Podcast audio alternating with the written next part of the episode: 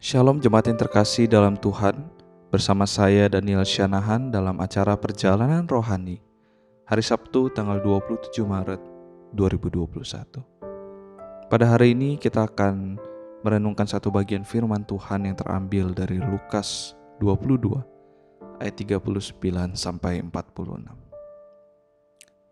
Saya akan membacakannya ayat yang ke-42 saja Ya Bapakku, jikalau engkau mau, ambillah cawan ini daripadaku. Tetapi bukanlah kehendakku, melainkan kehendakmu lah yang terjadi. Ini adalah kisah Yesus di Taman Getsemani setelah Yesus melakukan perjamuan malam dengan murid-muridnya.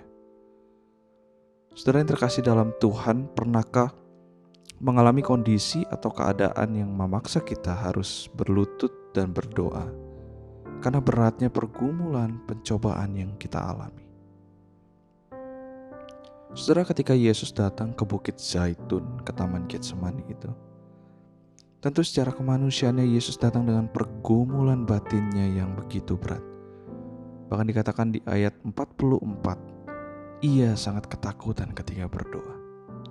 Karena sebentar lagi murid yang mengkhianatinya itu akan datang. Ia akan ditangkap. Kemudian ia akan dihakimi, disiksa dan mati, disalibkan. Yesus datang berlutut dan berdoa dengan membawa pergumulannya itu kepada Bapa.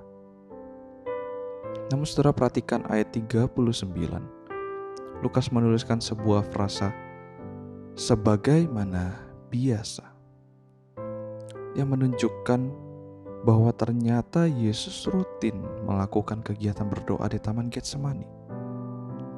Yesus tidak datang berdoa kepada Bapa hanya ketika mengalami tekanan dan kesulitan. Melainkan Yesus sudah membangun gaya hidup berdoa sebelumnya. Yesus membawa pergumulan dan keinginannya kepada Tuhan dalam doa karena ia biasa melakukannya. Kebiasaan Yesus untuk berkomunikasi kepada Bapa dalam doa tidak muncul hanya ketika mengalami pergumulan berat, atau kebiasaan berdoa itu malah hilang ketika mengalami pergumulan berat. Yesus datang mencari Tuhan.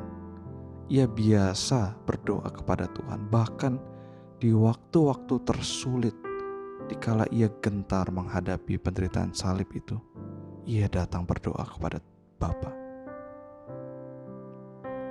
Dan oleh karena Yesus biasa berkomunikasi dengan Bapa, maka tentu ia memiliki kedekatan relasi.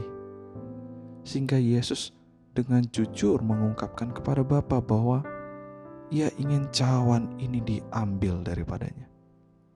Penderitaan ini sungguh berat untuk dilalui.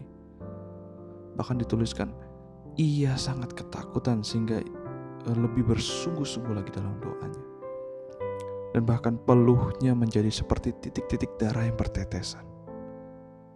Yesus sangat ketakutan, tapi Yesus dengan jujur mengungkapkannya kepada Bapa.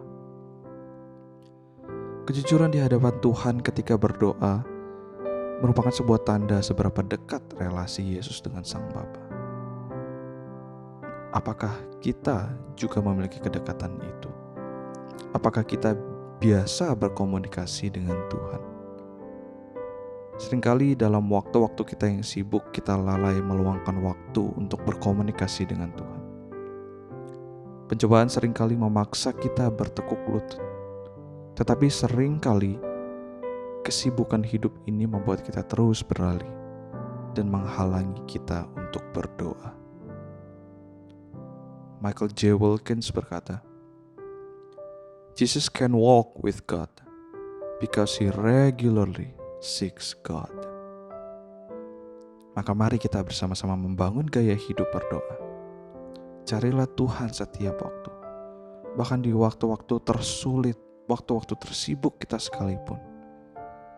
Sehingga kita dapat memiliki relasi yang otentik dan jujur di hadapan Tuhan. Amin. Mari kita berdoa.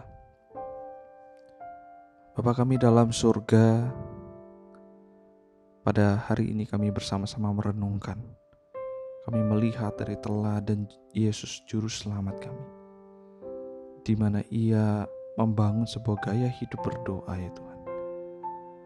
Ia mencari Tuhan, bahkan di waktu-waktu di mana Yesus gentar, di mana Yesus ketakutan, ia pun mencari Sang Bapa untuk berdoa. Ya Tuhan ajarlah kami untuk boleh meneladani akan Yesus, supaya kami menjadi anak-anakmu yang setia untuk mencari dan rindu untuk berrelasi dengan Engkau ya Tuhan melalui doa. Terima kasih ya Tuhan.